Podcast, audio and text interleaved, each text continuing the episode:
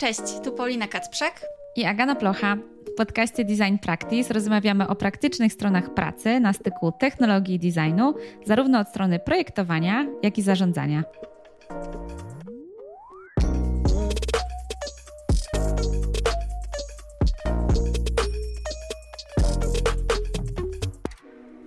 Odcinku porozmawiamy o zakładaniu platformy opartej o marketplace, czyli twójpsycholog.pl, o zmianie perspektywy patrzenia na UX i wyzwaniach w prowadzeniu własnego startupu. Naszą gościną jest Kaja Toczyska, projektantka, psycholożka i założycielka platformy twójpsycholog.pl. Kaja możecie znać m.in. z naszej konferencji online Elementarz UX z 2020 roku. Mieszka w Trójmieście, a po godzinach jeździ konno. Notatki i linki wymienione w tym odcinku znajdziecie na naszej stronie designpractice.pl ukośnik 049. A jeśli szukacie pracy, to koniecznie sprawdźcie serwis tworzony z myślą o konkretnych ofertach pracy w IT, w których nie owija się w bawełnę, czyli theprotocol.it, czyli partner tego odcinka.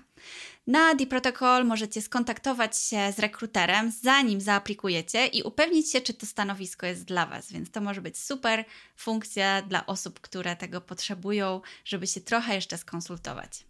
A jeśli słuchacie naszego podcastu od niedawna, to będziemy super wdzięczne za wszelkie opinie wystawione na platformach podcastowych, na przykład na Spotify. Dzięki temu będziemy mogły dotrzeć do jeszcze większej liczby słuchaczek i słuchaczy. Z góry bardzo dziękujemy. Cześć Kaja. Hej Kaja. Hej. Hej. Dawno się nie widziałyśmy. No właśnie. Musisz nam wszystko opowiedzieć. To Ostatni prawda. raz to chyba przy elementarzu UX naszej on, konferencji online to było 2021? Nie pamiętam. Pamiętam tworzenie materiałów pod to. Albo 20. Albo nawet no, 20. Tak, a tak, to no, był 20, no. bo to był rok COVID-u, tak, tak. Tak, no mhm. dużo się zmieniło myślę przez ten czas, e, dlatego też super się z, to, z Tobą zobaczyć i e, no i będziemy Cię o to wszystko wypytywać, ale mhm. najpierw zaczniemy od klasycznego naszego pytania, jaką książkę ostatnio przeczytałaś? Och, to jest, to jest zawsze problem, bo ja jestem w trakcie czytania pięciu naraz, więc to jest zawsze po prostu klasyk, jeśli, jeśli o to chodzi. E, natomiast e, przyznam, że ostatnio staram się trochę odpocząć od e, książek branżowych, dlatego że już w pewnym momencie mnie zmęczyły i zauważyłam, że, że jakoś tak, jak się za dużo tego czyta, to człowiek ma taką presję, że jeszcze po godzinach musi się rozwijać.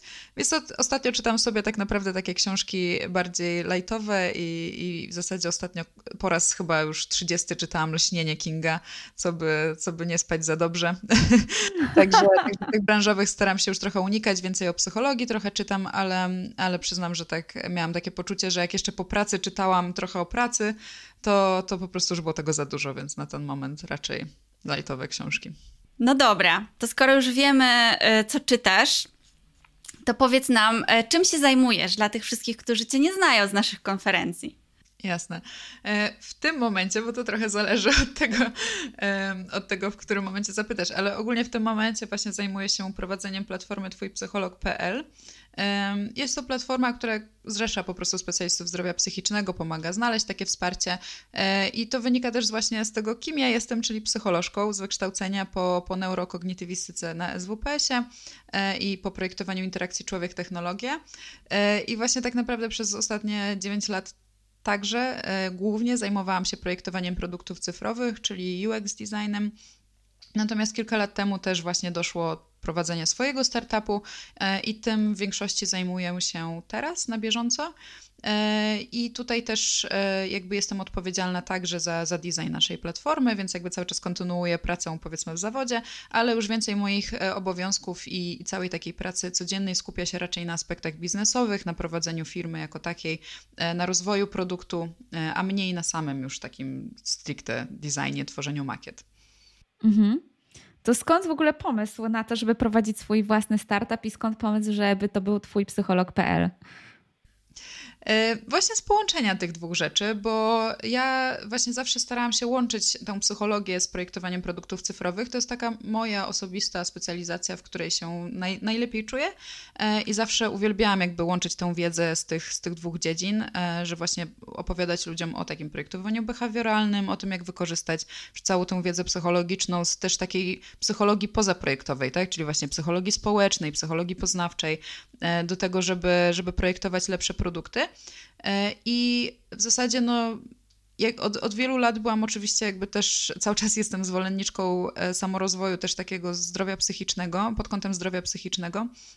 No i zauważyłam, że jak e, zaczęłam trochę powiedzmy otwarciej mówić o tym, że sama uczęszczam na terapię, że, że to jest dla mnie naturalne, że jakby nie, nie wstydzę się tego w żaden sposób i uważam, że każdy powinien, jeśli ma taką potrzebę, to e, zaczęli się do mnie zgłaszać e, moi znajomi z takim pytaniem, że no ale Kaja, ja też w sumie bym chciał, czy chciała, ale nie wiem do kogo się udać, nie wiem jak takiej osoby szukać, czy możesz mi kogoś polecić. No i jakby wiadomo, no nie polecę każdemu, a jeszcze w ogóle trzeba polecać różne osoby, no bo e, jakby też moi znajomi nie powinni chodzić, e, szczególnie bliscy do, do, do mojego na przykład e, terapeuty. W związku z tym miałam takie, no że nie znam aż tylu tak osobiście specjalistów e, i pojawiła się taka myśl, kurczę, no jest tu jakiś problem, no bo skoro tyle osób idzie do mnie, a nie szuka gdzieś w internecie i ma takie poczucie, że okej, okay, wiem co robić, tylko właśnie zwraca się do, do swoich znajomych. E, pomimo, że to czasami dla niektórych jest taka trudna sprawa powiedzieć komuś, kogo się nie zna, czasami nawet aż tak dobrze, że, że szukam specjalisty zdrowia psychicznego i czy możesz mi pomóc w tym. E, w związku z tym zauważyłam, że jest jakiś taki problem. No i to była taka pierwsza myśl, że kurczę, może coś trzeba z tym zrobić, skoro, skoro jakby ja, tą, e, ja się na tym trochę znam i jestem w stanie też coś zaprojektować, no to może jest to jakiś taki e, problem do zbadania głębiej. No i rzeczywiście jakby jak to projektantka, podręcznikowo po prostu zaczęłam robić badania, e, wywiady pogłębione z osobami, które były w trakcie lub przed właśnie rozpoczęciem psychoterapii lub po zakończeniu. I zrobiłam także oczywiście ankiety, różne takie szeroko zakrojone badania, sprawdziłam też oczywiście rynek i tak dalej. No i z tych badań wyszło, że problemów jest dużo do rozwiązania. Jakby to y, sposób jakby szukania tego specjalisty nie był jedynym z nich, zdecydowanie. Natomiast jakby wydał mi się takim głównym, pierwszym, który należy rozwiązać, tak? Czyli jeśli mówimy o tym, że potem pojawiały się takie problemy, że ja nie wiem, jak już nawet widzę tych specjalistów, to ja nie wiem na kogo się zdecydować, czy tam nie mam wiedzy, żeby ich rozróżnić, to już jest etap dalszy. Ten pierwszy, najważniejszy, najtrudniejszy, to jest to, żeby mm, w ogóle skrócić ten czas dotarcia do takiej pomocy, żeby to było po prostu łatwe. I, i rzeczywiście e, wtedy zdecydowaliśmy się z, z, jakby z możliwości różnych rozwiązań tak naprawdę produktów cyfrowych. Stwierdziliśmy, że brakuje takiego, takiego miejsca, bo oczywiście mamy znanego lekarza, natomiast wiadomo, on zostawia pacjenta samego sobie jakby z tym wyborem dosyć mocno I też jakby specjalizuje się w lekarstwie, w, medycynie, więc tutaj, no, jeśli chodzi o psychoterapię, to tutaj jakby nie było za bardzo tego, tego wsparcia. No i z tych wywiadów rzeczywiście wyniknęło, że kurczę, warto się tym zająć, także e, pierwsze co to poszłam do mojego e, wtedy jeszcze e, partnera, obecnie męża i powiedziałam, Waldek, wiesz co, słuchaj, mam taki pomysł, e, te badania rzeczywiście, on już, już był w to bardziej zaangażowany, wiedział, że, że je robię, no i potem do niego poszłam i powiedziałam, słuchaj, może byśmy zrobili taką platformę, Waldek też e, ma umiejętności programistyczne, no i powiedział, dobra, jakby robimy, on też jakby miał swoją firmę wtedy, ale ale, jakby chciał mieć taki projekt po godzinach. No i tak już do sedna, e, tak to właśnie wszystko się zaczęło tak naprawdę e, i stąd ten cały, cały pomysł, także e, była to, to dłuższa taka ścieżka, no i od kilku lat gdzieś tam jest to mój główne zajęcie. A czy do tej pory pracujecie we dwójkę, czy macie jeszcze jakichś wspólników? E, już na samym początku wiedzieliśmy, że będziemy potrzebować wspólnika, dlatego że Waldek jakby jest, e, ma umiejętności programistyczne bardziej frontendowe, e, wtedy przynajmniej miał takie, więc potrzebowaliśmy osoby, która jest w stanie całą jakby bazę, infrastrukturę postawić, kogoś doświadczonego w obszarze stawiania od zera takich, e, takich programów, platform, aplikacji. E, I wtedy Walek zgłosił się do mm, swojego znajomego Roberta, który właśnie pomagał w jego firmie wcześniej i, i wiedział, że to jest osoba, która jest i fajna i ma dobre umiejętności. No i jak to przy piwie pogadali sobie chłopaki e, i Robert się zgodził do, dołączyć do nas od samego początku. E, I tak naprawdę teraz ja pracuję głównie z Robertem. Waldek był zaangażowany na wczesnych takich etapach tworzenia tej platformy, a teraz bardziej tak strategicznie, biznesowo, doradczo, mniej już tak e, hands-on, a my z Robertem pracujemy tak hands-on jakby na, na co dzień, więc, więc tutaj bardziej to my jesteśmy wspólnikami, a Waldek e, z boku trochę tam dołącza. Mhm. A, a, kiedy, kiedy, kiedy zaczęłaś prowadzić te badania? Jakbyś mogła właśnie jakąś taką oś czasu narysować, jak długo już e, twój psycholog.pl jest tutaj e, na, twojej, na twoim tapecie? Kurczę, wiesz co, to był 2020. E, to było, kiedy się zaczęła pandemia? Ja już, ja po tak, prostu 2020. Tak, tak, tak, dokładnie. W takim tak, razie dokładnie 2020 końcówka czy początek? Bo to mi się zawsze myli. Początek, początek. To w 2019 zaczęłam robić badania w takim razie, bo to było jeszcze przed pandemią. Okay. E, I ta pandemia troszkę nam pokrzyżowała plany, dlatego że wtedy powstało dużo takich e, rozwiązań. Znaczy pokrzyżowała, to było super, że powstało, ale jakby też mieliśmy troszkę takie poczucie, kurczę, w sumie czy, to, czy na pewno wybraliśmy dobre rozwiązanie w takim razie, skoro e, powstały też podobne jakby na tamten, na tamten moment. Więc zaczęłam robić badania jakoś w 2019. W 2020 zaczęliśmy już programować i tworzyć pierwsze pierwsze MVP e, i wypuściliśmy pierwsze MVP pod koniec 2020, gdzieś w okolicach września. E, wtedy zaczęliśmy testy najpierw takie wewnętrzne ze specjalistami, e, a potem dopiero wypuściliśmy już platformą publicznie, jak mieliśmy tam przynajmniej kilkudziesięciu specjalistów na naszej platformie. Mhm. A powiedz jeszcze um, dla osób, które w ogóle nigdy nie były na stronie e, Twój psycholog, e, co tam można znaleźć? Bo e, mówisz o tym, że zależało Ci na tym, żeby dało się znaleźć psychologa dla siebie. I powiedz, jak, jak to rozwiązaliście i co teraz oferujecie? Czy tam są właśnie jakieś filtry, czy coś jeszcze? tak, e, no staraliśmy się jakby przejść, e, cały czas oczywiście prowadzimy badania, w związku z tym staramy się jakby, żeby ta platforma była dopasowana do tego, co, co, co, co wiemy o naszych użytkownikach. No i takim korem na ten moment jest to, że można oczywiście wyszukać specjalistę zdrowia psychicznego, czyli psychologa, psychoterapeutę e, w, w stacjonarnie, onlineowo lub jako wizyty domowe.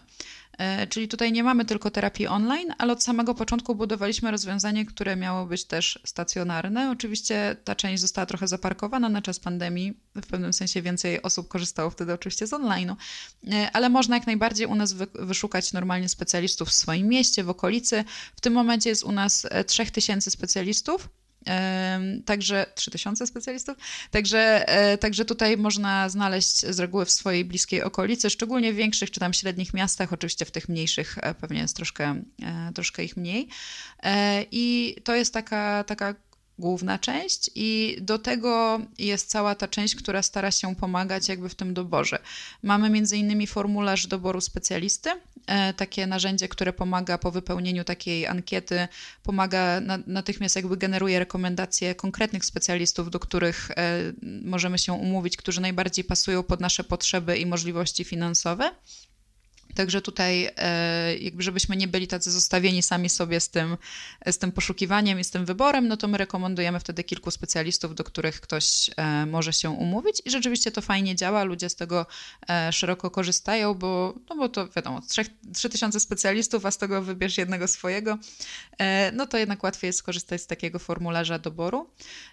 I drugą taką częścią, którą też mamy dla osób, które w danym momencie nie są w stanie sobie pozwolić na przykład na, na terapię, ale mają jakiś taki problem, który chcieliby skonsultować, to mamy też bezpłatne forum psychologiczne, w którym można anonimowo i bezpłatnie zadać pytanie psycholog psychologom, psycholożkom, psycholożkom i, e, i nasi specjaliści właśnie odpowiadają na te pytania e, w swoim wolnym czasie. To jest ich, ich jakby taka dodatkowa działalność, za co im jesteśmy bardzo wdzięczni, bo to jest ogrom pracy.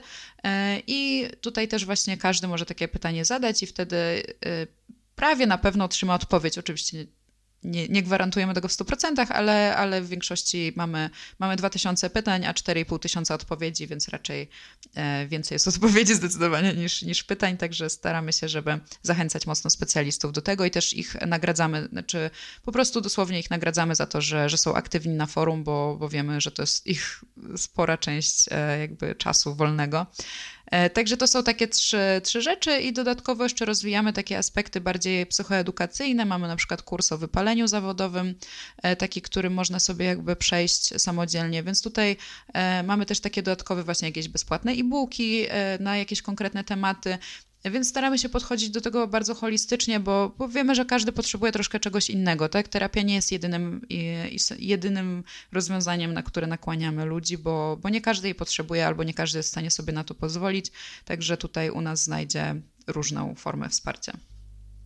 To jeszcze dopytam o tą część e, dla psychoterapeutów, psychologów, dla, dla specjalistów, e, bo mówisz, że jest już ich kilka tysięcy. Czy w jakiś sposób weryfikujecie te osoby? Macie jakiś taki klucz doboru tych osób? Czy każdy może się zarejestrować, kto ma e, jakiś status psychoterapeuty? Tak, weryfikujemy każdą osobę, która do nas jakby u nas chce, chce założyć konto. E, weryfikujemy dokładnie jej papiery i nie ma możliwości ustawienia sobie poziomu certyfikacji samodzielnie. Czyli my jakby na podstawie tego, jakie papiery otrzymamy od specjalistów, jesteśmy w stanie u, ustawić im tytuł. Czy jest to tytuł psychologa, tytuł psychoterapeuty w trakcie szkolenia, psychoterapeuty certyfikowanego, dyplomowanego i, czy, czy seksuologa, więc tutaj my jakby nadajemy te główne tytuły i tylko takie osoby dopuszczamy wpuszczamy na naszą platformę, które spełniają nasze wymagania. W związku z tym y, może się zarejestrować każda osoba, która posiada taki dyplom lub certyfikat. My będziemy go dokładnie weryfikować. Mamy też wymagania dotyczące tego, ile taka szkoła psychoterapii powinna trwać, żeby taka osoba mogła w ogóle u nas być. W związku z tym osoby, które gdzieś tam kończą krótsze szkoły psychoterapii, niestety nie dostają u nas y, jakby ty Niestety, niestety, nie dostają u nas tytułu psychoterapeuty. E, w związku z tym też weryfikujemy, mamy dosyć takie twarde wymagania i e, no rozumiemy, że niektórym może to przeszkadzać, no ale jesteśmy, ponieważ nie mamy zawody, nie mamy ustawy o zawodzie psychoterapeuty w Polsce działającej aktywnie i psychologa, no to tutaj wzięliśmy na siebie tę weryfikację i wolimy się pomylić w złą stronę niż, e, niż właśnie znaczy w dobrą stronę tak naprawdę troszkę być zatwardzi w tym wszystkim, niż, niż w tę złą. Także w ten sposób weryfikujemy każdą osobę, a oprócz tego mamy oczywiście system opinii e, u nas na platformie, w którym jeśli taka osoba otrzymuje gdzieś tam no, mm, rzeczywiście takie negatywne opinie, no to taka osoba u nas już zostaje wypowiedziana umowa na, na konto. Mhm. To wróćmy jeszcze może do początków e, Twojego psychologa. Z tego co dobrze liczę, to w jesienią e, będzie 4 lata, jak platforma oficjalnie powiedzmy gdzieś tam funkcjonuje w sieci. Jestem bardzo ciekawa, z czym e, musiałaś się mierzyć wtedy, e, budując tę platformę, e, a z czym mierzysz się teraz? Jak, jak byś porównała te, te kwestie? Myślę, że to jest taka typowa ścieżka startupowa bardzo, tak? Czyli na początku mierzymy się z tym, żeby sprawdzić, czy w ogóle produkt jest potrzebny rynkowo e, i to była główna, główna nasza taka hipoteza na sam początek, tak? Czyli czy w ogóle ludzie rzeczywiście tego potrzebują w takiej formie, jak my o tym myśleliśmy. Oczywiście robiliśmy badania w trakcie, ale wiadomo, co innego weryfikacja rynku szeroka, a co innego badania na, na mniejszej grupie użytkowników. E, także ten pierwszy moment i te pierwsze, powiedziałabym nawet lata, to była weryfikacja weryfikacja tego, czy rynek w ogóle jest e, otwarty na takie rozwiązanie, czy, czy właśnie powinniśmy w jakiś sposób zmodyfikować, e, czy użytkownicy aktywnie z tego korzystają, czy specjaliści aktywnie korzystają, bo my też tutaj trochę tego nie dopowiedziałam, ale mamy cały system CRM dla gabinetów psychologicznych i dla ośrodków psychologicznych, czyli też jakby ośrodki mogą korzystać z naszego systemu do zarządzania swoją placówką.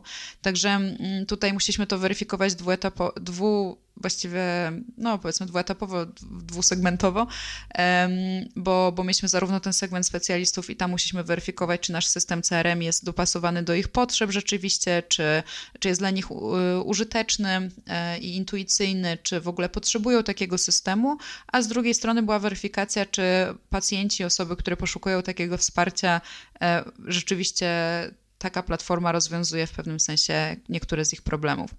Także pierwszy moment to było takie typowe typowy problem właśnie weryfikacji tego oraz problem, e, który się bardzo mocno e, jest bardzo specyficzny dla marketplace'ów, ponieważ jest to właśnie dwustronny rynek, no to tutaj musimy zarówno, musimy bardzo mądrze dbać o rozwój zarówno podaży i popytu, żeby to było na tyle się działo równocześnie, czyli musimy mieć wystarczająco specjalistów, żeby pacjenci chcieli do nas e, przychodzić i żeby mogli się umówić, ale z drugiej strony też nie możemy mieć e, jakby za mało pacjentów, bo wtedy specjaliści nie będą chcieli przychodzić.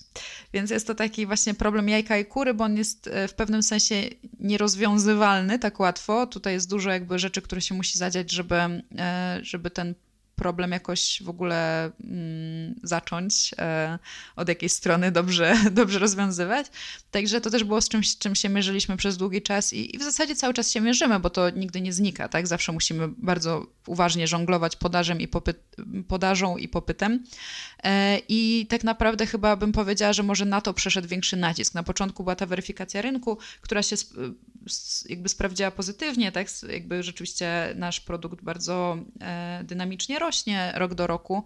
E, także tutaj rzeczywiście tę, e, na tę hipotezę sobie odpowiedzieliśmy twierdząco.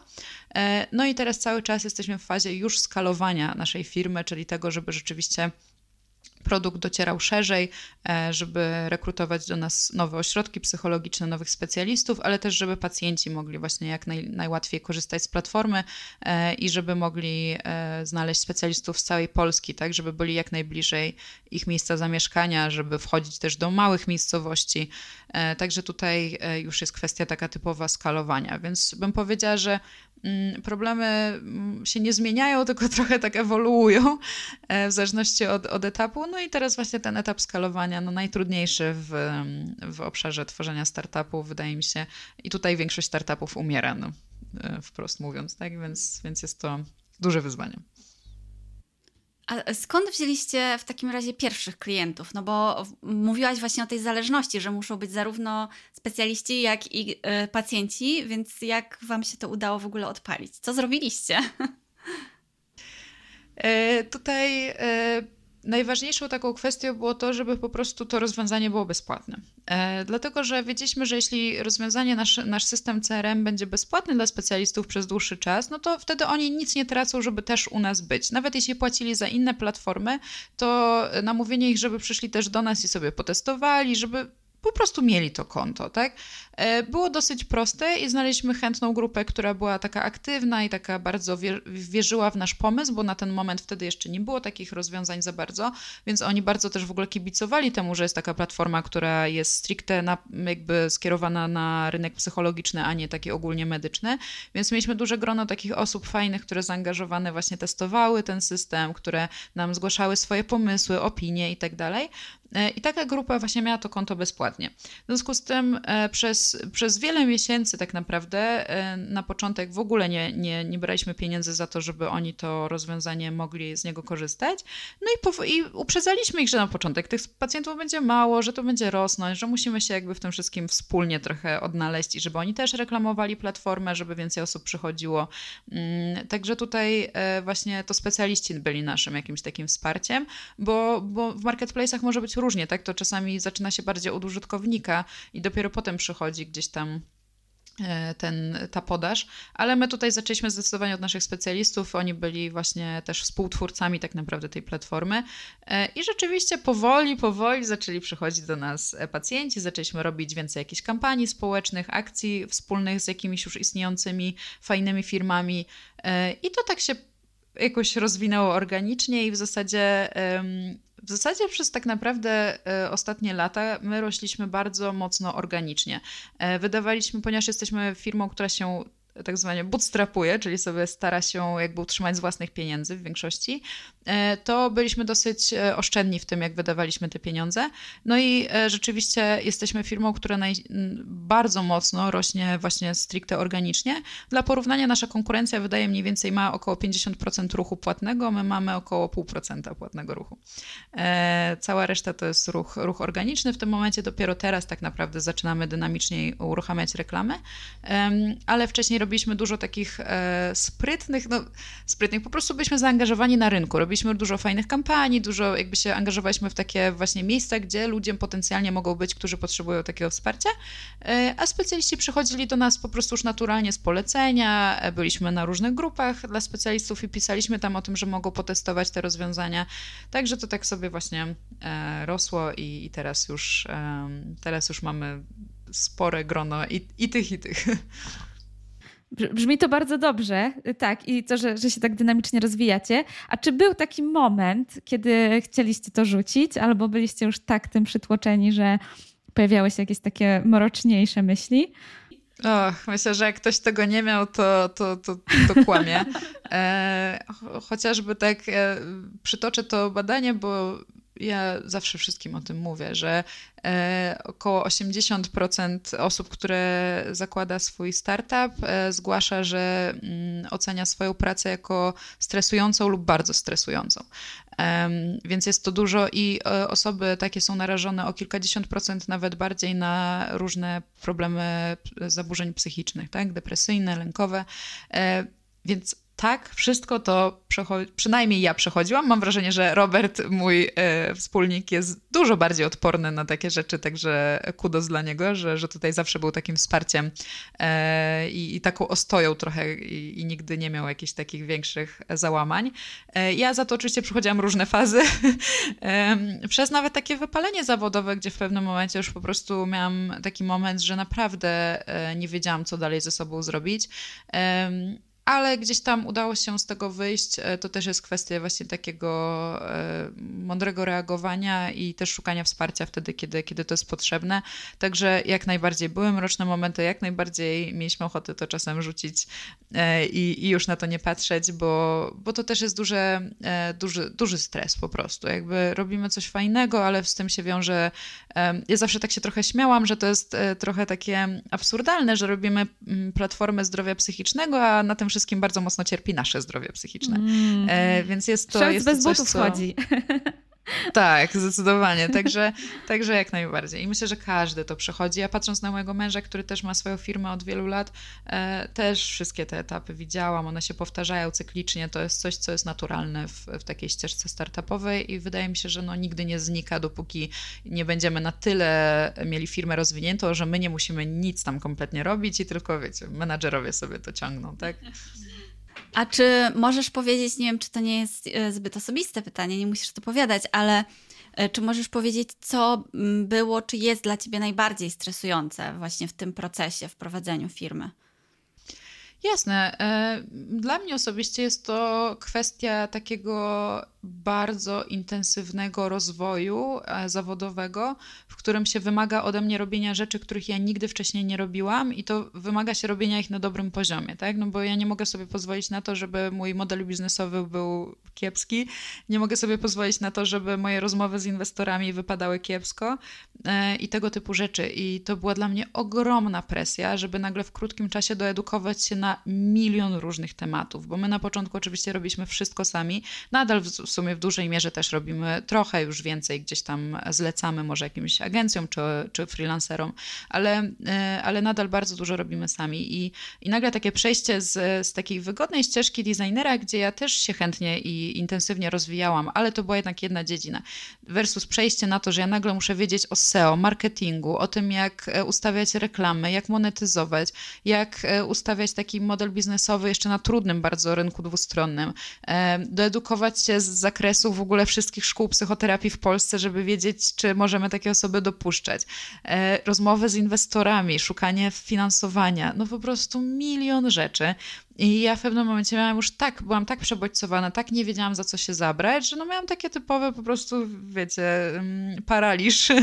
E, I, I miałam wrażenie, że po prostu nieważne za co się zabiorę, to, to jeszcze do tego muszę się doedukować, muszę, muszę zrobić to dobrze. To była ogromna presja, teraz ona troszkę już mi schodzi, bo mam jakąś większą takie trochę w tym świadomość i umiejętności i też e, po prostu staram się prosić o pomoc tam, gdzie, gdzie gdzieś tam e, czegoś nie wiem. Natomiast no to, to nie znika, e, więc jest to bardzo trudna część takiego, takiego tworzenia biznesu, jeśli wcześniej się tego nie robiło. Jeśli to jest pierwszy biznes, to myślę, że zawsze będzie się wiązało z takim stresem właśnie. Tak, coś, coś o tym wiemy, a też myślę, że i kolejny biznes, że to się tak naprawdę wiele nie zmienia, bo świat się zmienia, po prostu bardzo szybko wszystko idzie do przodu i cały czas trzeba też się edukować i dostosowywać ten model biznesowy i dostosowywać milion rzeczy w firmie.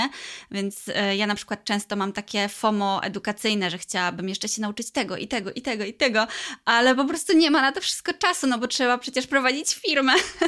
Więc e, no totalnie to rozumiem i myślę, że Aga też. Tak, tak, tak, dokładnie. Kiwałam głową i się uśmiechałam, jakbym z siebie słyszała. No, także wiecie to z doświadczenia i no jest to ogromna presja, tak? Ona jest też wywierana zewnętrznie, nie tylko nawet wewnętrznie, no bo my sami oczywiście chcemy zrobić to dobrze, ale to, to też jest zewnętrzna presja, że mamy spotkanie z inwestorem i on nagle wymaga od nas, od nas jakichś ogromu dokumentów, których ja nigdy nie robiłam i ja po prostu muszę je przygotować. Nie ma tutaj, że ja powiem, a wiecie co, ja nie wiem jak to zrobić, nie? No w ogóle nie ma takiej opcji tutaj, nie wiem, nie istnieje, jakby to oni powiedzą, to się dowiedz, tak? Albo, albo niech ktoś inny to zrobi. Także no to jest, jest, jest to trudne i myślę, że to jest największa część, bo, bo wszystko inne takie aspekty właśnie jakieś tam biznesowe, w sensie monetyzacji tej firmy, czy, czy własnych zarobków, czy czegokolwiek innego, one gdzieś tam odchodzą trochę w tył, bo, bo ta codzienność jednak jest już na tyle wykańczająca e, i ta praca, że, że to stresuje.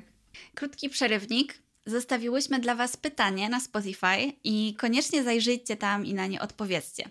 Czekamy też na Waszą ocenę tego odcinka, którą możecie wystawić zarówno na Spotify, jak i w Apple Podcast. Czekamy na Wasze komentarze.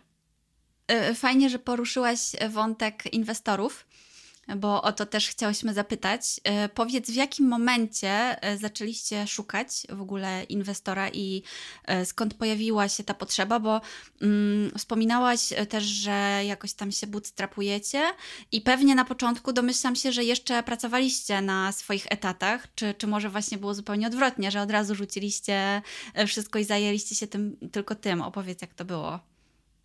Generalnie zaczęliśmy szukać finansowania wtedy, kiedy już powstał gotowy produkt, e, bo nie, jakby wiem, że dużo firm idzie wcześniej, na wcześniejszym etapie jakiegoś tam pomysłu, czy takiego totalnego MVP, ale my tutaj chcieliśmy najpierw przetestować, czy w ogóle jest właśnie odzew z rynku i dopiero wtedy pójść do, e, do funduszy. E, I rzeczywiście ja dosyć szybko zrezygnowałam z pracy na etat, żeby zająć się tym. Robert do dzisiaj pracuje na etacie, jakby tutaj, ponieważ on jest na tyle efektywny, efektywnie, co zazdroszczę mu ogromnie. E, jest na tyle efektywnym programistą i, i w ogóle osobą, która no, strasznie szybko ogarnia rzeczy. Jeszcze od niedawna ma dziecko, więc ja już w ogóle nie wiem. Wow! to, to, e, to Robert jest w stanie to, to łączyć do dzisiaj i to nie jest w ogóle problem dla naszej firmy, jakby wszystko powstaje mega dynamicznie. Także tutaj te nasze sytuacje są troszkę różne, więc, więc tutaj ciężko to, to porównać. Natomiast właśnie to poszukiwanie tych, tego wsparcia e, finansowego już było na, na takim etapie, że na początku finansowaliśmy to samodzielnie.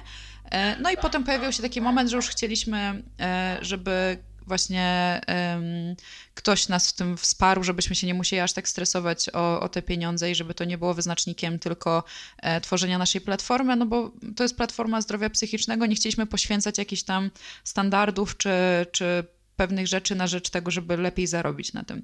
W związku z tym e, zaczęliśmy szukać tego, tego finansowania właśnie gdzieś w 2020 E, mieliśmy trochę przebojów po drodze właśnie z funduszami. Nawet jeden fundusz, e, już mieliśmy podpisaną taką umowę wstępną inwestycyjną, natomiast fundusz się nie powiększył, nie udało mu się zabrać pieniędzy jakby wyżej na, na nowe inwestycje, w związku z tym to się wysypało niestety.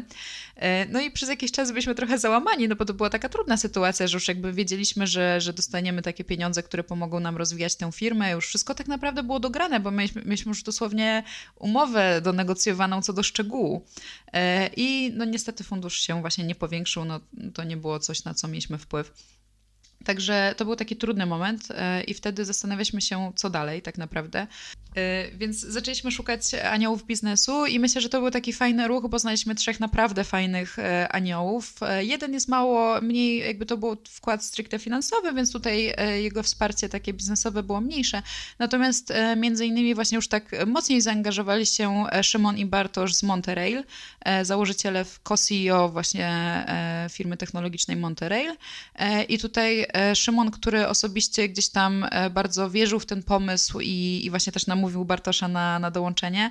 E, bardzo nam pomogli. Oni konsultowali z nami wiele pomysłów na wczesnym etapie, byli takim troszkę e, takim wsparciem właśnie, e, które nas otrząsało z pewnych rzeczy i, i zadawało takie trudne pytania, żebyśmy mogli zweryfikować, czy to, co robimy, jest rzeczywiście ma sens, także biznesowy, nie tylko taki od strony użytkownika.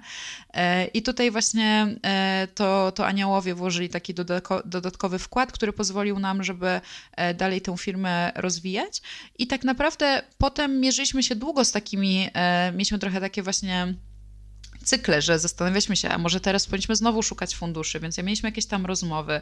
Niektóre ostatecznie odrzucaliśmy, nawet jak gdzieś tam jakiś fundusz był zainteresowany, bo stwierdzaliśmy, że może jednak to nie jest do końca ta ścieżka. Mm, także dużo było takiego, my jakby e, wyszliśmy trochę dosyć szybko z takiego podejścia typowo startupowego, że musimy zebrać pieniądze jak najszybciej i musimy potem jechać od rundy A do rundy B i tak dalej. Tylko właśnie stwierdziliśmy, kurczę, a może jednak to jest taki biznes, który można robić samodzielnie i się właśnie bootstrapować. Mieliśmy na to zgodę też naszych aniołów, co było super, tak? Bo oczywiście aniołowie mogą mieć też w tym różne swoje cele biznesowe e, i to jest jak najbardziej w porządku, e, ale tutaj jakby dostaliśmy taką zgodę na to, żeby, żeby zrobić to tak, jak my uważamy, że będzie najlepiej. I, i rzeczywiście e, ostatecznie zrezygnowaliśmy całkowicie z szukania funduszów. Mm po prostu zaczęliśmy e, skupiać się na tym, żeby ta firma e, zarabiała na siebie.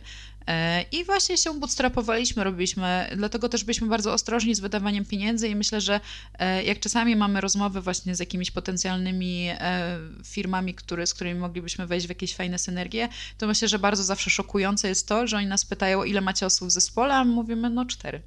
A oni mówią, ale, ale jak to? A my mówimy, no, no jednego programistę, jedna designerka i dwie osoby operacyjne. Oni mówią, ale to co, zleciście jakiś, jakiemuś software house'owi, żeby to napisał? Nie, jakby wszystko sami zrobiliśmy.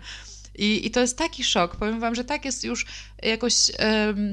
umocnione na rynku, że startup jakby wiecie, musi mieć nie wiadomo jaki zespół, że musi po prostu e, wydawać pieniądze i tak dalej. Naprawdę nie musi. Jeśli ma się odpowiednich ludzi do tego, to my jesteśmy w stanie wszystko zrobić sami. I to, że zarówno Robert, jak i, i Waldek też rozwijają swoje kompetencje, więc e, na przykład Waldek wchodzi teraz w tematy mocno AI-owe, jest w stanie napisać swój e, czat, jest w stanie napisać różne automatyzacje, no to to są takie rzeczy, które my cały czas jesteśmy w stanie do naszej firmy jakby potencjalnie włączać. W związku z tym na pewno zawsze to szukuje wszystkich, że, że my robimy to całkowicie tak malutkim zespołem e, i że, że Robert jest w stanie napisać praktycznie wszystko. Mamy jakieś tam wsparcie dodatkowe frontendowe, e, co jest fajne, ale to są jakby to są mniejsze godziny, to nie są etaty, my tutaj właśnie robimy to wszystko samodzielnie. Także ta, ta droga do, do właśnie takiego od, od tej typowej ścieżki startupowej, o której wszyscy mówią, że szukamy funduszu, że musimy iść od rundy jednej do rundy drugiej, e, my ją w końcu odrzuciliśmy, stwierdziliśmy, że kurczę, może to nie jest produkt, dla którego trzeba to tak robić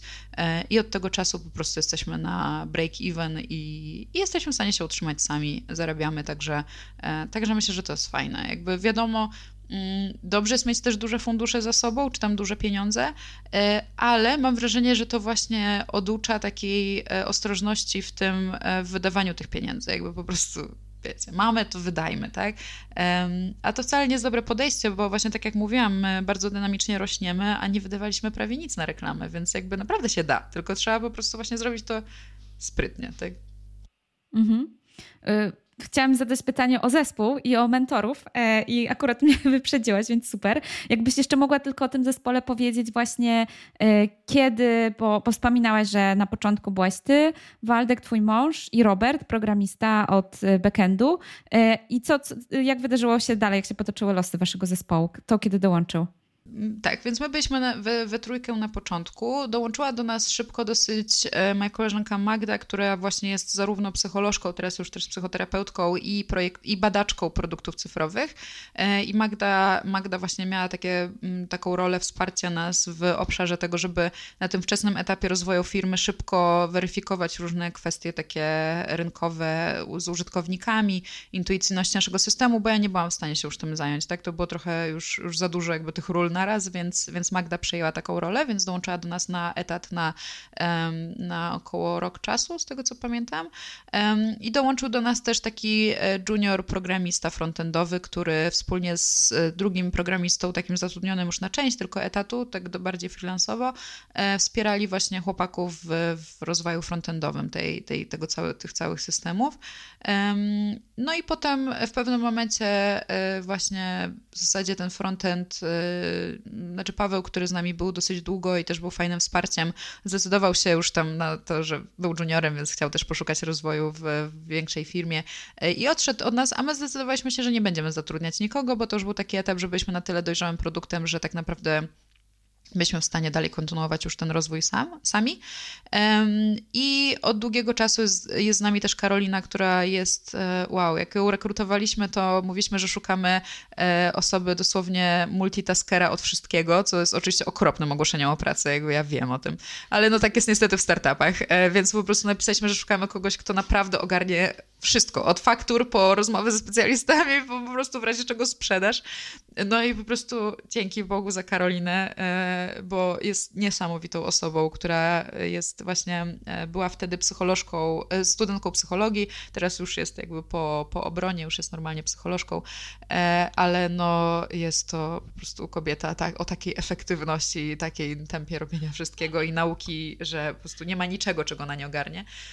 Więc Karolina jest z nami już od, od dłuższego czasu i niedawno dołączyła też jeszcze Sonia, która też jest właśnie jeszcze studentką psychologii i też, tak jak Karolina, robi bardzo dużo różnych rzeczy. Dziewczyny działają razem tak operacyjnie, od strony trochę kontentu, psychoedukacji.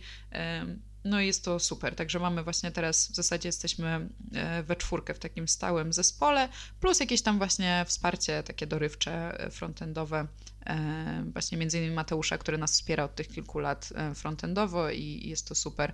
Także e, jesteśmy małym zespołem, ale naprawdę wydaje mi się, że z tymi kompetencjami jesteśmy w stanie zrobić prawie wszystko, co jest super, bo jest to po prostu efektywne, naprawdę, tak jakby, że jesteśmy w stanie wszystko zrobić w krótkim czasie, a nie tak jak jest czasami w większych zespołach, że to wiecie dobrze, jak to potrafi trwać i czasami gdzie kucharek sześć, no to tutaj oczywiście to widzimy. Tak, no, większą ilością osób też się trudniej, y, może zarządza to złe słowo, ale tr trudniej jest po prostu skomunikować taki zespół, trudniej się nawiguje takim większym zespołem.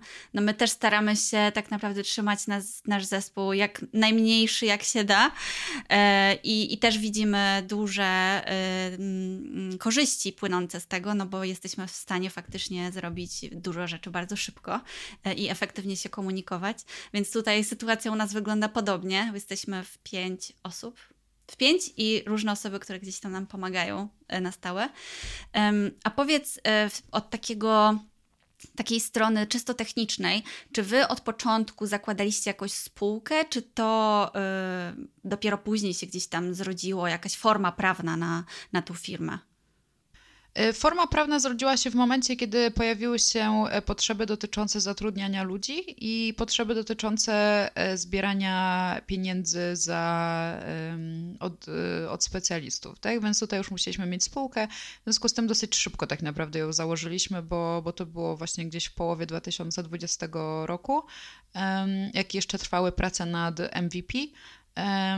I tutaj na początek oczywiście robiliśmy to na swojej JDG, e, w zależności od potrzeb, ale potem musieliśmy to wszystko przenieść na spółkę i właśnie ta spółka powstała jakoś e, w okolicach tam września, mniej więcej, bo już trochę nie pamiętam, ale mniej więcej właśnie jak jeszcze dopiero co kończyliśmy już taki, taki produkt, żeby to wszystko było na, na spółkę. No i wtedy mogliśmy normalnie już oficjalnie jakby zatrudniać, mogliśmy mieć e, też, mogliśmy zbierać, mieliśmy konto firmowe, dzięki temu mogliśmy właśnie e, jakieś tam e, subskrypcje pobierać, więc to wszystko było ważne, żeby to było jak najszybciej. E, aczkolwiek też, no mówię, to takie pierwsze pół roku czy, czy, czy 8 miesięcy to było wszystko na JDG i i tak też się da, ale jednak no, ta potrzeba się pojawia szybko, bo mm, im dłużej czekamy, da się z tym czekać, to też nie jest tak, że, że nie da się, tylko że potem przenoszenie wszystkich umów, e, wszystkich e, przeniesień praw autorskich na spółkę, to jest tyle roboty, że ja nikomu tego nie życzę, bo, bo my wiemy, bo pisali dla nas jakby psycholożki i psychologowie pisali dla nas artykuły. I na początek pisali to wszystko na, na mojej JDG, e, i potem to wszystko musieli przenieść na spółkę, więc to jest podpisywanie nowych umów z każdym po kolei, przynoszenie tych praw autorskich. E, jest to mnóstwo roboty, także ja zawsze zachęcam, żeby ta spółka powstała szybko, bo, bo to nie jest jakaś forma prawna, która jest bardzo wymagająca. Wymaga jakby prowadzenia konkretnej księgowości, ale sama w sobie jest dosyć prosta. Także, także ja zawsze zachęcam, żeby to było jak najszybciej jednak. Tak, mówiłaś dużo o tym, że twój psycholog rozwija się organicznie. Czy pamiętasz ten moment, kiedy zaczął przynosić zyski i zobaczyliście już takie, aha, to jest, jest już dobrze, to jest dobry moment? tutaj aż tak, e, ja przyznam, że ja aż tak tego nie śledzę. E, w sensie, jakby, oczywiście znam z naszego konta i wiem, ile mniej więcej mamy przychodów miesięcznie, ale to nie było dla mnie nigdy najważniejsze. Dla mnie chyba takim pierwszym kluczowym momentem było, jak zaczęliśmy, e, wypuściliśmy informację, że od teraz będziemy pobierać subskrypcję za, za nasz CRM, gdzie do tej pory wszystko mieli bezpłatnie. To był bardzo stresujący moment. Ja pamiętam, że wtedy po prostu siedziałam i mówiłam, Boże, może tego nie róbmy, bo co jak nikt nie zapłaci? Bo to jest prawdziwa weryfikacja. Jakby jedno to to jest ta weryfikacja rynkowa, czy ludzie potrzebują tego, ale drugie to jest, czy chcą za to zapłacić. I to był strasznie trudny moment. Ja pamiętam, że miałam takie, że a może przesuńmy jednak, a może, a może wymyślmy coś innego, e, bo, bo ja nie jestem taką osobą, która lubi brać od ludzi pieniądze, niestety, jakby to też widać w moich stawkach freelancerskich. E, w związku z tym, e, w związku z tym e, to był taki trudny moment. No i, i rzeczywiście każda ta subskrypcja była takim, wow, ktoś chce nam płacić za to w ogóle, Jezu. I tak się cieszyliśmy, ale to był ogromny stres, bo to nagle urosło do nowej rangi, że ktoś nam płaci, więc wymaga, tak? Wcześniej no nie płacili, to nie mogli za bardzo wymagać. Mm. Byli takim wsparciem raczej, ale, ale nie mogli wymagać. Także to był taki jakiś taki moment zarobkowy, który był trudny. No i drugim takim momentem było podniesienie ceny za subskrypcję, bo, bo stwierdziliśmy, że w pewnym momencie no, nie możemy pobierać tak niskiej, bo to było oczywiście wstępnie staraliśmy się być, e, żeby to było jak najbardziej atrakcyjne finans cenowo. Nadal jest bardzo atrakcyjne cenowo, więc no, my po prostu nie, nie dokręcamy śrub, bo nie, nie chcemy, ale, ale no rzeczywiście też to podniesienie tej subskrypcji było takie stresujące, więc staraliśmy się to rozwiązać bardzo fair i zaoferowaliśmy naszym specjalistom, że dożywotnio mają tę cenę oryginalną, jeśli nie zrezygnują z subskrypcji. Więc tak długo jak ktoś jakby kontynuował korzystanie, to, to miał tę niższą cenę i tylko nowi specjaliści mieli tę wyższą, chyba że ktoś zrezygnował na jakiś czas, no to wtedy już musiał niestety wrócić na tę nową, e, wyższą cenę. E, więc tutaj to był taki moment. To, że, że, że pojawiły się jakieś takie właśnie momenty, gdzie już wychodziliśmy na break-even, że, że mogliśmy troszkę inaczej myśleć o tym wszystkim i mieliśmy taki większy komfort finansowy, to się pojawiało bardzo stopniowo, więc ja nie jestem w stanie wskazać jakiegoś takiego jednego momentu, ale na pewno jest to, jest to duży komfort, że, że firma ma zapas i nie musi e, wiecie, modlić się o to, czy wypali kolejna runda, bo myślę, że to jest olbrzymi stres e, jakby w życiu takich founderów i, i w pewnym sensie cieszę się, że nie do końca poszliśmy tą ścieżką. Mm, także tutaj e, właśnie no, jest, to, jest to ważny aspekt, ale w zależności od tego, jaką ścieżkę się wybierze, to on może być mniej lub bardziej stresującym. A powiedz, jak e, zareagowali wasi klienci dotychczasowi właśnie na to wprowadzenie opłaty? Czy były jakieś głosy sprzeciwu, czy jakoś podeszli do tego ze zrozumieniem? Oj, oczywiście, że byli. To, to zależy, tak? Yy, jakby y, ci, którzy bardzo nam gdzieś tam pomogli, mieli konto dali darmowe, więc jakby tutaj też nagradzaliśmy tych, którzy byli mocno zaangażowani w tworzenie tej platformy, a ci, którzy byli tak jakby po prostu mieli swoje konta bezpłatnie i nagle dostali informację, że jednak będą musieli za to płacić, no to tutaj były głosy różne, tak? Od takich, że no super, że w ogóle powinniście pobierać pieniądze, przecież to w ogóle tyle robicie roboty, a tutaj wszystko darmowe, to, to w ogóle tak nie może być. Po takich, którzy mówili, że co, że w ogóle nie ma opcji, że oni zapłacą, że, że, że się z nami żegnają, co było oczywiście do przewidzenia. E, I to jest jakby w porządku, to myślę, że każdy produkt przez to przejdzie i no niestety ja biorę takie rzeczy do siebie, to jest dla mnie takie trudne w, w tej pracy, że ja bardzo to przeżywam, e, więc, więc ja, ja też jakby się stresowałam tym dodatkowo, ale tak jak najbardziej te reakcje się wahały od, od skrajnych w jedną stronę do skrajnych w drugą. Większość zareagowała tak na zasadzie, no dobra, no jakby tak robią wszystkie platformy, tak, więc no mm, za coś oni muszą, muszą żyć i za coś muszą jeść, więc, więc jakoś tam się na to, na to zgodzili, a dla nowych to już w ogóle nie było problemu, no bo dla nich było naturalne, że przychodząc na jakąś nową platformę muszą, muszą za to zapłacić po, po okresie próbnym, także tutaj mm, bardziej była kwestia tych dotychczasowych specjalistów, ale e, duża część z nich z nami została, także myślę, że to też fajny sygnał. Super. E, to może teraz e, zahaczymy trochę o wątek tego, że e, pracowałaś jako UX designerka. Właściwie ciągle pracujesz, bo myślę, że jak się prowadzi biznes, to ten, ten komponent UX-owy ciągle jest ważny. Jesteśmy ciekawe, jak postrzegasz UX teraz, kiedy jesteś bardzo mocno bezpośrednio już zderzona z takimi twardymi aspekta, aspektami biznesu? Y, jakbyś trochę właśnie powiedziała o tej perspektywie, czy ona się jakoś zmieniła, które, które mm, niuanse gdzieś tam bardziej wybrzmiewają w tej, w tej perspektywie tego, że jednak no, to jest biznes i musisz dopiąć pewne guziki? Oj, nie wiem, czy powinnam o tym mówić, bo wiecie, tak jak się jest jak z designerem się narzeka na tych wszystkich okropnych interesariuszy, którzy robią na YOLO, tak. to teraz ja nim jestem. E, I no, jak, jak już dochodzi do tego, że trzeba wydawać własne złotówki na to, żeby zrobić pewne rzeczy, to mhm. nagle ma się takie, ale może te badania to jednak skrócimy trochę, a może... No tutaj mieliśmy tą ogromną... Ja bardzo naciskałam na to, co trochę się spotykało nie do końca ze zrozumieniem moich wspólników, dlaczego ja od początku chciałam mieć UX researcherkę w zespole na tak wczesnym etapie, bo to był moment, kiedy jeszcze nawet nie zarabialiśmy, ale ja się uparłam, że chcę mieć UX researcherkę um, i po prostu koniec, tak? E, no i, i, rzeczywiście Magda była ogromnym wsparciem właśnie w tym, żeby te badania jednak robić um, i, i tutaj po prostu było to um, jakby wdrożone w ideę naszej firmy, funkcją, jakby filozofią naszej firmy. Natomiast e, no, zdecydowanie się zmienia perspektywa i, i teraz nawet teraz, jak mentoruję jeszcze e, junior designerów, to od początku im mówię, wiecie co, biznes jednak jest bardzo ważny w tym wszystkim. Ktoś na tym musi zarabiać, ktoś, ktoś te pieniądze wydaje i też nawet aż staram się pokazywać, ile kosztuje taki jeden sprint, tak? Bo to um, czasem się o tym nie myśli, ale przecież to może być od, od 10 do 100 tysięcy złotych jeden taki sprint sprint e, w trakcie e, tworzenia produktu, mm, a, a takich sprintów wiadomo ile, ile jest, więc miałam takie poczucie, no jakby to, o czym mówię designerom, no słuchajcie, ktoś jakby, żeby wam zapłacić tę pensję, on musi na tym produkcie zarobić też, więc wy jakby też musicie o tym tak myśleć i musicie rozumieć ten biznes, żeby rozmawiać z tym biznesem tym samym językiem.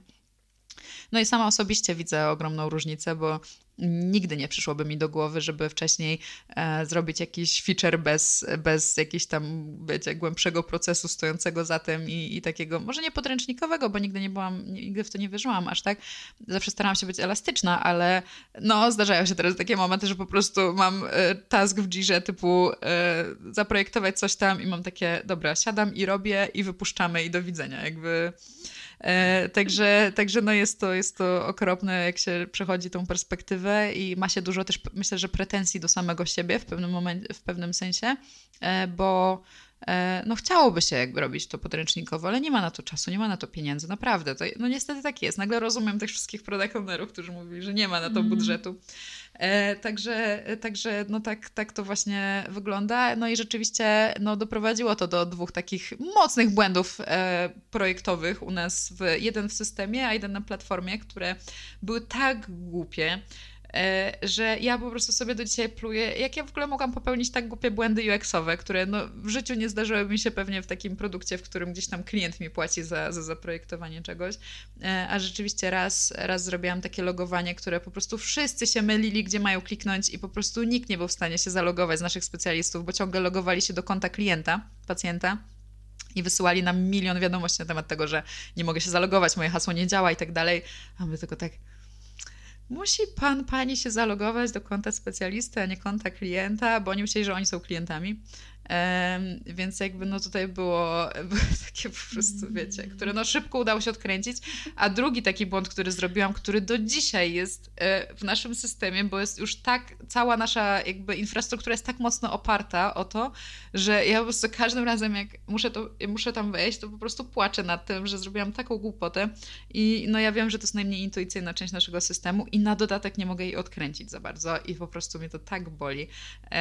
Także no jest to jest to rzeczywiście, zmienia się perspektywa, to na pewno, jak już, jak już trzeba decydować o tych budżetach samodzielnie i nagle mamy do wyboru, czy wydać na, na reklamę, czy wydać na zatrudnienie kogoś, czy wydać na, mm, na to, żeby tutaj jakiś e, zrobić e-book, czy cokolwiek, e, versus wydać na to, żeby zrobić bardzo porządnie proces projektowy każdej jednej rzeczy, którą tworzymy, no to się to niestety rozchodzi o tym. Tak, ojej, to jest coś, co tak bardzo rozumiemy, bo my na przykład cały czas. Y, fakt, że dużo ludzi nie narzeka gdzieś tam na te nasze systemy do oglądania kursów, ale no my widzimy bardzo dużo rzeczy, które można by było poprawić. E, no i marzy nam się, żeby zrobić to od nowa, dokładnie tak jak chcemy, od zera. ale wiadomo, że to jest po prostu masa pracy, masa pieniędzy, masa czasu. Więc może kiedyś nam się uda, mamy to gdzieś tam w naszych planach, marzeniach, e, ale no widzimy cały czas wiele rzeczy do poprawy, ale no nie wszystko da się zrobić od razu. Mm, a powiedz, e, czy e, jak, jaką masz teraz taką refleksję, perspektywę o w ogóle podejściu do zarobków, do pensji w trakcie jak pracowałaś na etacie versus tego jak masz własną firmę? Czy, no bo na pewno musi, musisz iść na jakieś kompromisy na początku. Czy warto w ogóle założyć biznes z perspektywy osoby, która ceni sobie na przykład taką e, stabilność finansową? Nie. Koniec odpowiedzi. Nie, no oczywiście żartuję, zaraz rozwinę. Ale jest taki, jest taki żarcik e, o kobietach, który nie będę przytaczać, bo jest trochę seksistowski go nie lubię, ale prze, przekształciłam go na żarcik o startupach i, i moim, moim żarcikiem jest to, że jeśli e, chcesz e, w swoim, po swoim pierwszym biznesie zostać miliarderem, to znaczy milionerem, to najpierw musisz być miliarderem.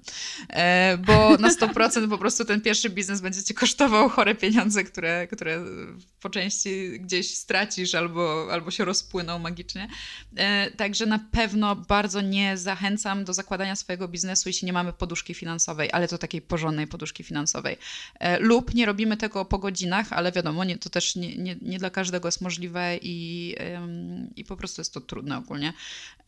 Także jeśli chcielibyśmy rzucić całkowicie wir tworzenia startupu, bo ja nie mówię biznesu, ja trochę też rozróżniam to, bo ja uważam, że można super tworzyć stabilne biznesy, które od początku zarabiają, ale to nie są startupy, tak? Więc um, jeśli chodzi o własny biznes, warto, jeśli wiemy, jakby jest to e, biznes usługowy szczególnie, no to tutaj już tym bardziej jakby jest to dosyć proste, żeby od samego początku zarabiać, żeby przejść sobie może powoli ze swojego etatu na, na własną działalność. E, ale jeśli mówimy o startupach, e, startupach technologicznych, no to tutaj zdecydowanie jest to jest to duże wyrzeczenie i my przez długi czas nie pobieraliśmy w ogóle żadnej pensji e, i jakby właśnie, tak jak mówiłam, się finansowaliśmy samodzielnie. To też była kwestia właśnie finansowania własnych pensji w pewnym sensie. I, i tak naprawdę oczywiście to się zmienia w trakcie rozwoju firmy i potem jakby można sobie coraz wyższe te pensje wypłacać, ale zawsze jest coś takiego, że e, jest taka myśl, kurczę, jeśli ja sobie wypłacę te pieniądze, y, to one nie pójdą na rozwój firmy. I, i to jest zawsze taka, taka trudna decyzja, czy, czy ja powinienem, powinnam zarabiać rynkowo, czy może jednak bardziej mi zależy na tym rozwoju firmy. I wydaje mi się, że trzeba myśleć niestety o tym w ten sposób, że jeśli chcemy uzyskać e, takie dobre zwroty finansowe potencjalnie ze startupu, o ile to jest w ogóle możliwe, bo znowu startupy szybko upadają, ale jeśli, jeśli już dojdziemy do etapu e, właśnie jakiejś akwizycji, sprzedaży tej firmy, to musimy się liczyć z tym, że to jest gra długoterminowa. E, I przez, przez ten długi, długi czas potencjalnie będziemy zarabiać dużo mniej niż na etacie. E, I nawet tak pokazują badania, bo badania rynkowe pokazują, że osoby, które zakładają własne biznesy, zarabiają średnio sporo mniej niż, e, niż gdyby zarobiły w tym samym czasie na etacie, więc jakby to dotyczy całego rynku. Też nawet jeśli zyskujemy jakiś tam fundusz, który nas wspiera, to oni też nie zgadzają się, żebyśmy sobie wypłacali takie peł w pełni rynkowe pensje. Także to nigdy nie będzie to samo, ale oczywiście gdzieś potencjalnie w przyszłości stoi bardzo duży zysk i, i większość osób jakby o tym myśli, jak zakłada jakieś takie tego, tego typu firmy. Bo znowu usługowy, czy jakiś taki produktowy, fizyczny, e, to, to zupełnie są inne biznesy, je można rozwijać inaczej. Ale jeśli mówimy o startupie, musimy się nastawić na to, że e, jeśli chcemy zobaczyć z tego jakieś zyski, to mówimy o, o iluś latach, tak? I, I w tym czasie będziemy zarabiać mniej, musimy się finansować w jakiś sposób sami, e, albo właśnie musimy chodzić po, po funduszach, zdobywać te, to, to finansowanie zewnętrzne, nadal pamiętając o tym, że nasza pensja nigdy nie będzie w 100% rynkowa.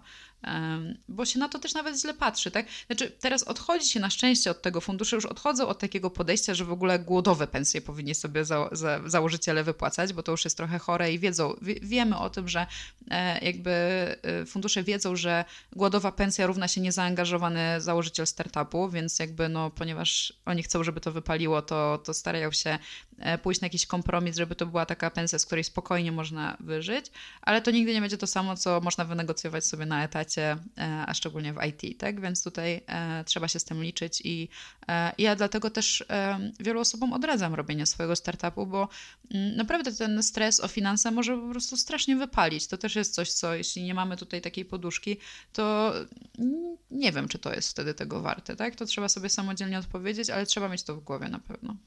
Mhm. A, a, jeśli mm, mimo wszystko są osoby, które chciałyby założyć swój startup, to, to wspomniałaś już o, o, tej radzie, że właśnie poduszka finansowa, e, ten organiczny wzrost, to jaką jeszcze byś miała radę dla, dla takich osób? Wow, tyle. Pierwsza, która mi przychodzi do głowy, nie rób tego jednak.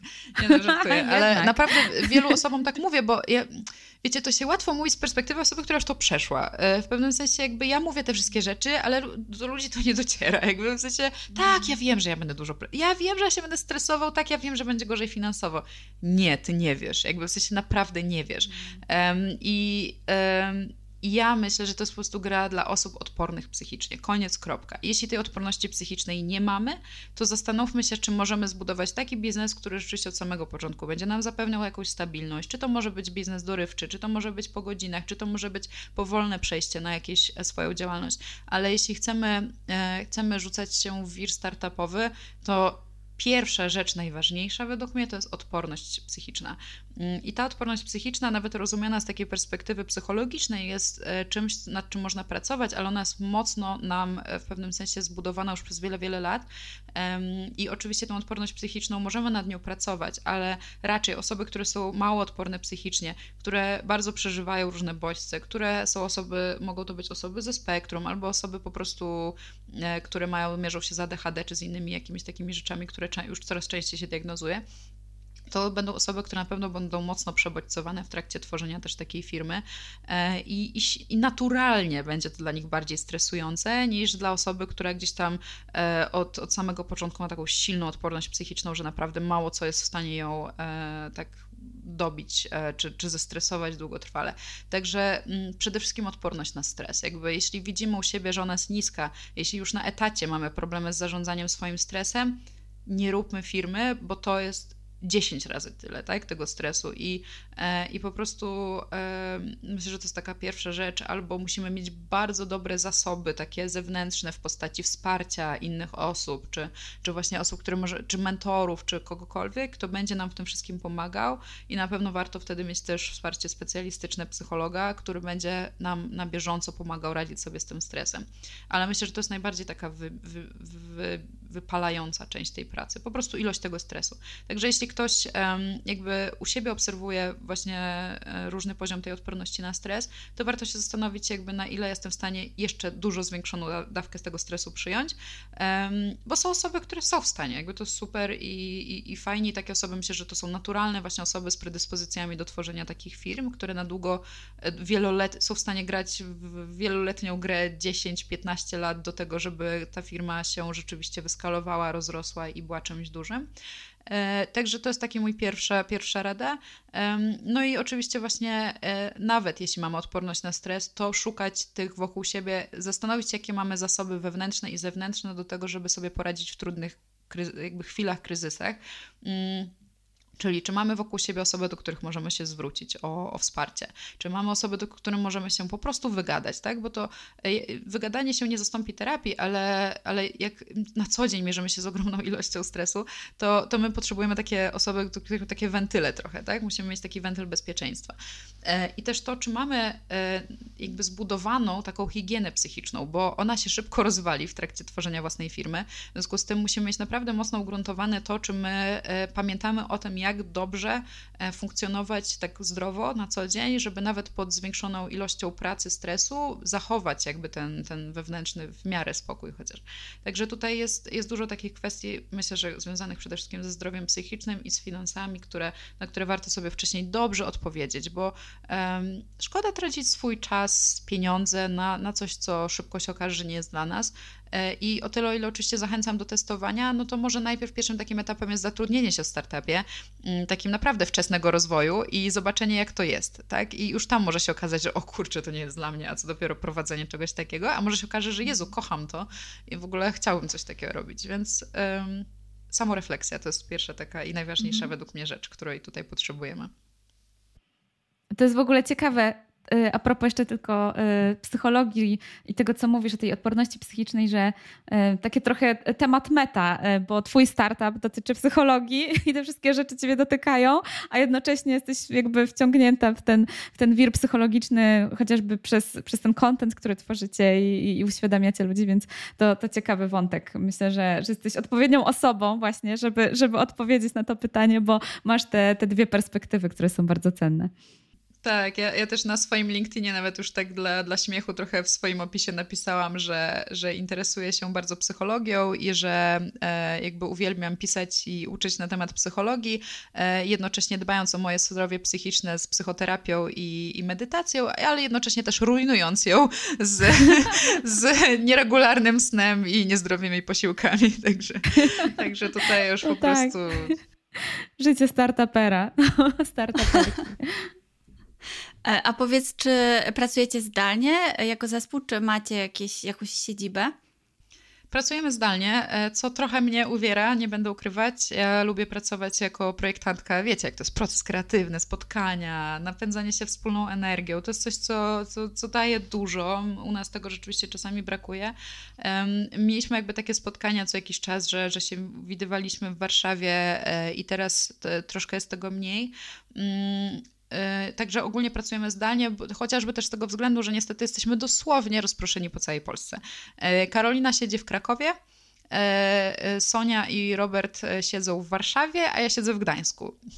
I jakby teoretycznie wszyscy się możemy spotkać w Warszawie, ale wiecie jak jest. E, więc tutaj e, będziemy, e, będziemy oczywiście jakieś tam niedługo organizowali takie spotkanie, też nawet trochę integracyjne, ale pracujemy na co dzień zdalnie i, i pamiętam taki szok, jak, e, jak właśnie Karolina, która długo z nami pracowała najpierw zdalnie, a potem zrobiliśmy tą integrację i pierwszy raz ją zobaczyłam na żywo. Mówię, jaka ona jest wysoka w ogóle, wiecie, takie wow.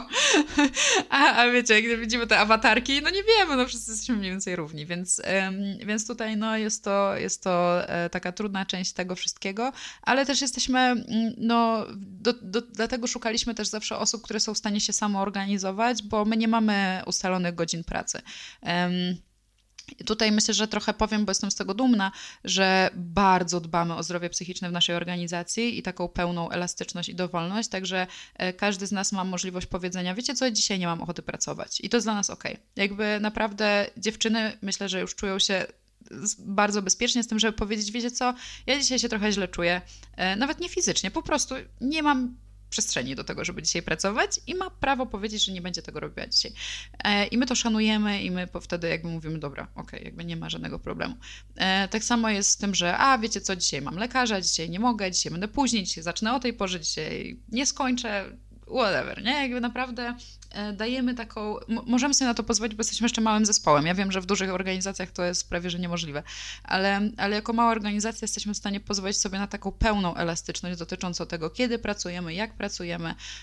Mamy, wiemy, co mamy do zrobienia i jakby po prostu trzeba to realizować. I, i tutaj naprawdę każdy z nas gdzieś tam ja myślę, że ja niestety najgorzej sobie z tym radzę, bo jest mi czasem ciężko się samoorganizować, e, ale, ale cały zespół rzeczywiście bardzo dobrze sobie z tym radzi i no kudos dla nich, bo, bo, bo to jest jakby wydaje mi się, że kluczowa kwestia w pracy zdalnej, tak? Że nikt nad, nad nami nie siedzi, nie mówi nam co i kiedy mamy robić, tylko odpalamy tego kompa i, i rzeczywiście się za to zabieramy. Także e, no tutaj każdy z nas jest raczej wyspany. Dzisiaj mieliśmy spotkanie z Karoliną o dziewiątej, to byliśmy tak zaspane i obie mówimy, Boże, kto wstaje o dziewiątej? Wiecie, e, bo nasze spotkania daily są o 11.30, bo tylko tak byliśmy w stanie wszyscy na nie trafić.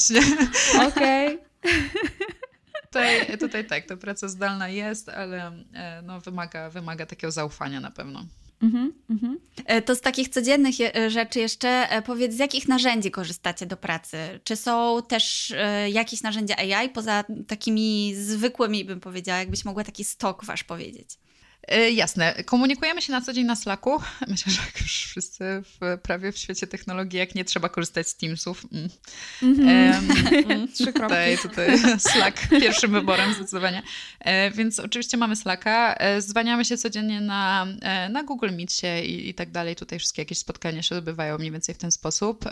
Korzystamy z Figmy. Figmy korzystamy zarówno z opcji projektowej, jak i tej takiej e, kreatywnej do tworzenia, to, to się nazywa FigJam, tak, że po prostu robić wszystkie te whiteboardy i tak dalej, więc e, jakieś warsztaty robimy właśnie z, też wszystkie w Figmie. E, I, I, korzystamy na pewno z narzędzi AI-owych do, do różnych rzeczy, do, e, do tego, żeby poprawiać jakieś teksty, do tego, żeby szybciej generować odpowiedzi dla naszych specjalistów na mailu, mm, do tego, żeby tworzyć kopii, czasami właśnie jakieś poprawiamy w ten sposób posty na social mediach, E, także tutaj no, staramy się korzystać z tego, co nam ułatwia pracę. Mm, I każdy to robi we własnym zakresie, to znaczy jakby mamy, mieliśmy takie warsztaty kiedyś o tym, co możemy zautomatyzować, co możemy uprościć. Mm, no i doszliśmy do tego, w których obszarach najłatwiej jest to wykorzystać, żebyśmy po prostu przyspieszyli swoją pracę. Ja także korzystam na przykład od samego początku, z, ponieważ nie jestem UI designerką, umiem coś tam z UI, ale wiecie, jak to jest, jak ktoś nie jest, w tym się specjalizuje, to, to, to, to nie, nie, nie działa to za dobrze. E, więc ja od początku kupi, kupiłam design system taki bardzo rozbudowany do tworzenia CRM-u i e, cały nasz system CRM jest oparty o ten e, design system, więc ja w Figmie mam go jakby przygotowanego, on jest bardzo fajny, bo wiecie, ma wszystkie stany, ma różne jakieś takie rzeczy mm, i po prostu w oparciu o niego tworzą, tworzą nasz CRM, a jeśli chodzi o platformę, ona była tworzona już we współpracy z UI designerem, więc ona jest już, już ładna um, ale, ale tutaj właśnie z takich narzędzi, które upraszczają to jak najbardziej. Także no i teraz będziemy się troszkę zabierali też za to, żeby samodzielnie tego AI też pisać, e, w sensie, żebyśmy my mogli mhm. stworzyć narzędzia AI-owe, e, nie tylko z nich korzystać. Także tutaj e, na pewno ten AI będzie coraz więcej wchodził w, naszą, w nasz stack technologiczny. A jak ten design system się nazywa? Pamiętasz? Nie, nie, nie, nie, nie pamiętam, ale pamiętam, że kupowałam go e, właśnie na jakiejś takiej stronie, gdzie, gdzie są różne i mogłam sobie przejrzeć i poklikać po nim i super mi się sprawdza. On jest ogromny, jakby to w ogóle w życiu bym nie wykorzystała takiej liczby elementów. On się składa pewnie z kilku tysięcy elementów, e, od e, wiecie, 30 różnych stanów batonów po, po wszystkie rzeczy, które można sobie wyobrazić, łącznie z fontami, z kolorami i tak dalej. Także no super się to sprawdza. On jest bardzo taki, wiecie, no nie jest trochę surowy, no bo jak to, jak to z czymś, co jest y, jakby kupione i, i niedopasowane do, do stricte mm, koniecznie brandu. Oczywiście ja tam kolory trochę zmieniłam, czy fonty, ale, ale ogólnie no to już tam nie grzebałam w tym aż tak, bo jest naprawdę złożone. E, no i fajnie się to sprawdza. Ja to bardzo polecam w ogóle a propos, jak, jak już mówimy o tworzeniu startupu, czy jakichś tam tego typu projektów, to, to wydaje mi się, że warto, bo ja zapłaciłam za to jakieś śmieszne złotówki, a, e, a korzystam z tego czterech lat, więc jakby no naprawdę, wiecie, inwestycja super. Także Myślę, że to bardzo Dobra optymalizacja, tak, kosztów Super. i czasu. To, to jak, jak nie pamiętasz nazwy twojego, to możemy polecić e, może system Ant for Figma, który zbudował Mateusz e, Wierzbicki, który był gościem naszego podcastu, więc odsyłamy jeszcze raz do Mateusza. Tak, gdyby ktoś szukał, to polecamy, to warto od znajomych, tak. od znajomych. tak, to ja wspomniałaś o, tych, e, o tym, że chcecie bardziej wykorzystywać AI w sensie mm, mm, jakby jako twórcy, nie, nie tylko tak biernie z gotowych narzędzi, tylko integrować to już w waszą platformę. Czy macie jeszcze jakieś plany? Co na najbliższe Q2, Q3 szykuje E, jak, e, dokąd zmierzacie, na jakich feature'ach chcecie teraz skupić w Twoim psychologu? Jasne. E, no, jak, jakich planów to my nie mamy, to, to chyba tak powinno brzmieć pytanie, ale oczywiście śmieję się. Natomiast my troszkę wychodzimy z obszaru, znaczy wychodzimy, to za dużo powiedziane, rozszerzamy się z obszaru psychologii klinicznej, czyli takiej właśnie, gdzie rzeczywiście osoby bardziej mierzące się z jakimiś problemami, kryzysami, zaburzeniami szukają wsparcia. E, i staramy się teraz e, podchodzić e, jakby do tego bardziej, rozwijać też te części dotyczące psychoedukacji i samo, takiego samowsparcia, czyli takiej jakby pomocy, której ktoś może samodzielnie przejść przez pewne rzeczy i nie potrzebuje koniecznie do tego wsparcia długoterminowego, czy w ogóle nie potrzebuje wsparcia właśnie specjalisty. Tak jak właśnie przykładem jest ten kurs wypalenia zawodowego, on był tworzony przez psycholożkę biznesu, która jakby bardzo wyczerpała badała na tyle, na ile mogła ten temat, jak się, jak rozpoznawać u siebie wypalenie, co można zrobić, wszystkie ćwiczenia do samodzielnej pracy i tak dalej. I chcielibyśmy w tę stronę właśnie troszkę mocniej pójść, po to, żeby, żeby korzystając też z tych narzędzi AI-owych i nie tylko, dać ludziom mniej niskopłatne e, wsparcie też, tak? Bo, bo w Polsce jest duży problem z tym. E, wiemy, jak wygląda niestety publiczna opieka zdrowia, kropka, ale też zdrowia psychicznego. W związku z tym e, naszym takim celem jest to, żeby każdy mógł otrzymać jakąś formę wsparcia. E, nie, niezależnie od tego, jakby z czym się mierzy, z jakimi finansami dysponuje i tak dalej, bo nie ukrywajmy, że psychoterapia jest droga. Prywatna psychoterapia jest droga, po prostu, kropka. E, ona w tym momencie, średnia cena wizyty na naszej platformie to jest 170 zł za godzinę. I o tyle, ile oczywiście znajdziemy bez problemu specjalistów, którzy, którzy też e, biorą mniej, no to niestety, no to wiadomo, jest inflacja i tak dalej. Więc no te stawki rosną i to jest coś, co zaczyna być trochę niestety dobrym luksusowym. E, w związku z tym my dążymy do tego, żeby zapewnić też takie, zaoferować też takie rozwiązania, które ktoś może e, właśnie sobie przerobić samodzielnie. Staramy się też wchodzić w partnerstwa różne, w których ktoś może właśnie skorzystać z jakichś takich zewnętrznych rozwiązań, które pomogą mu sobie z jakimś problemem poradzić. Takim przykładem jest jest nasza współpraca z Good Sleeper. To jest taka aplikacja do e, mierzenia się z problemami e, zasypiania e, i jest to program oparty o psychoterapię poznawczo-behawioralną leczenia zaburzeń snu, w których taka osoba samodzielnie może przejść przez taki program i ma on wysoką skuteczność w, właśnie w takich radzeniu sobie z problemami bezsenności. Także staramy się e, zrzeszać też takie właśnie produkty firmy u nas i na pewno będziemy w tą stronę też trochę mocniej szli e, i teraz właśnie coraz więcej takich partnerstw różnych nawiązujemy, takich zewnętrznych. E, weszliśmy też teraz we współpracę z aplikacją Pacjenci Pacjentom, która też właśnie pomaga osobom chorującym przewlekle na, na kontakt z innymi osobami, które już przez to przechodziły i my też będziemy tam swoje wsparcie psychologiczne w pewnym sensie dodatkowo oferować E, I właśnie myślę, że to jest taki nasz główny teraz core naszej działalności. Takie wchodzenie w różne partnerstwa, szukanie tego, e, tych, tych fajnych rzeczy na, na zewnątrz. Tak? Super, a czy Kaja, plany są bardzo ambitne, więc za wszystko trzymamy kciuki. A czy w tym wszystkim w ogóle dopuszczasz jakąś myśl, że wrócisz kiedyś na etat? Dopuszczam, niechętnie. o, jednak, no. Trochę się pozmieniało, już było mi sobie, ciężko mi sobie wyobrazić pracę dla kogoś. E, jest to... Jest to coś, co zdecydowanie, jak już jakby dowiemy się, że możemy decydować sami o sobie, to jest to ogromną E, jakby takim luksusem, że tak powiem, codziennym, szczególnie jeśli chodzi o wstawanie o porze, o której ja mam ochotę wstawać. Także jakby oczywiście taka myśl się gdzieś tam pojawia, natomiast myślę, że bardziej interesuje mnie zdecydowanie e, praca taka potencjalnie freelancerska. Jeśli jakby ta jakby już praca na, na własnym tym biznesie się skończy w przyszłości, to myślę, że dużo bardziej interesuje mnie e, właśnie taka praca dorywcza, w pewnym sensie projektowa w różnych firmach, no i na pewno już od dłuższego czasu cały czas smierzę, znaczy cały czas próbuję się zabrać wreszcie na to, żeby aplikować na doktorat. W związku z tym bardziej interesuje mnie ta psychologia naukowa i tutaj myślę, że chciałabym poświęcić się zdecydowanie temu mocniej.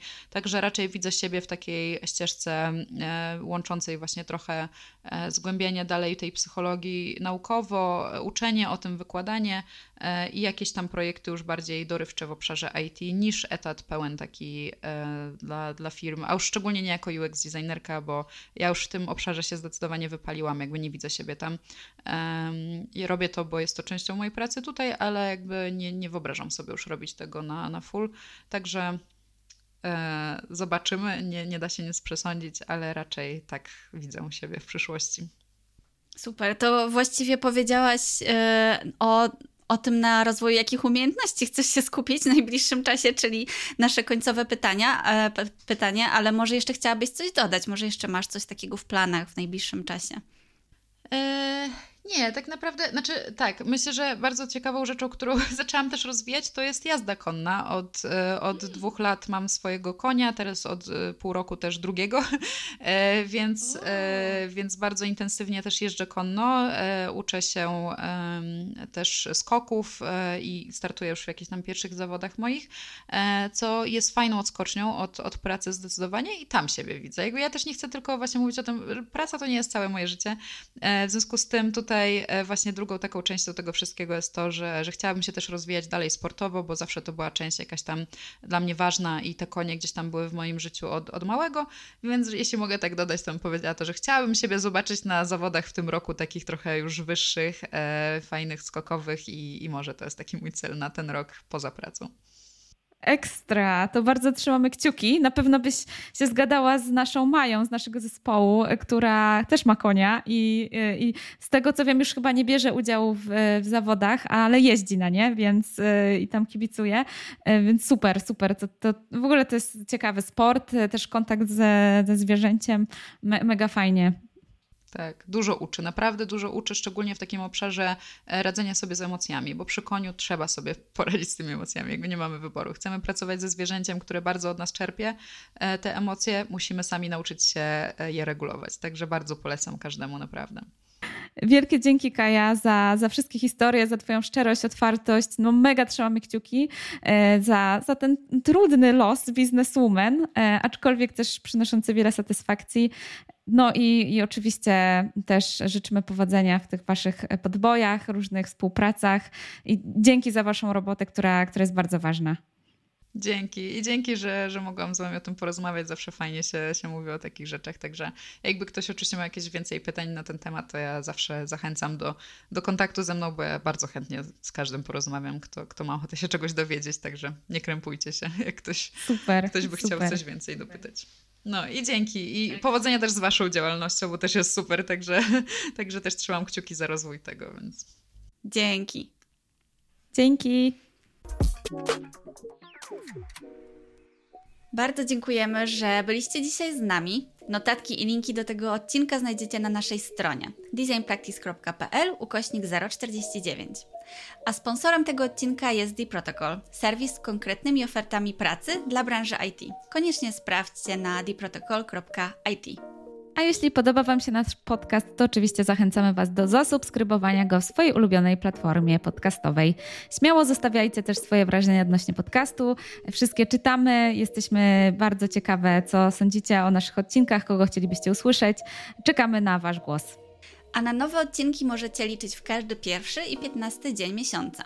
Pamiętajcie też o zapisaniu się do naszego newslettera, żeby nie przegapić żadnego nowego odcinka. Wystarczy wejść na stronę designpractice.pl i tam zapisać się w formularzu. Do usłyszenia za dwa tygodnie.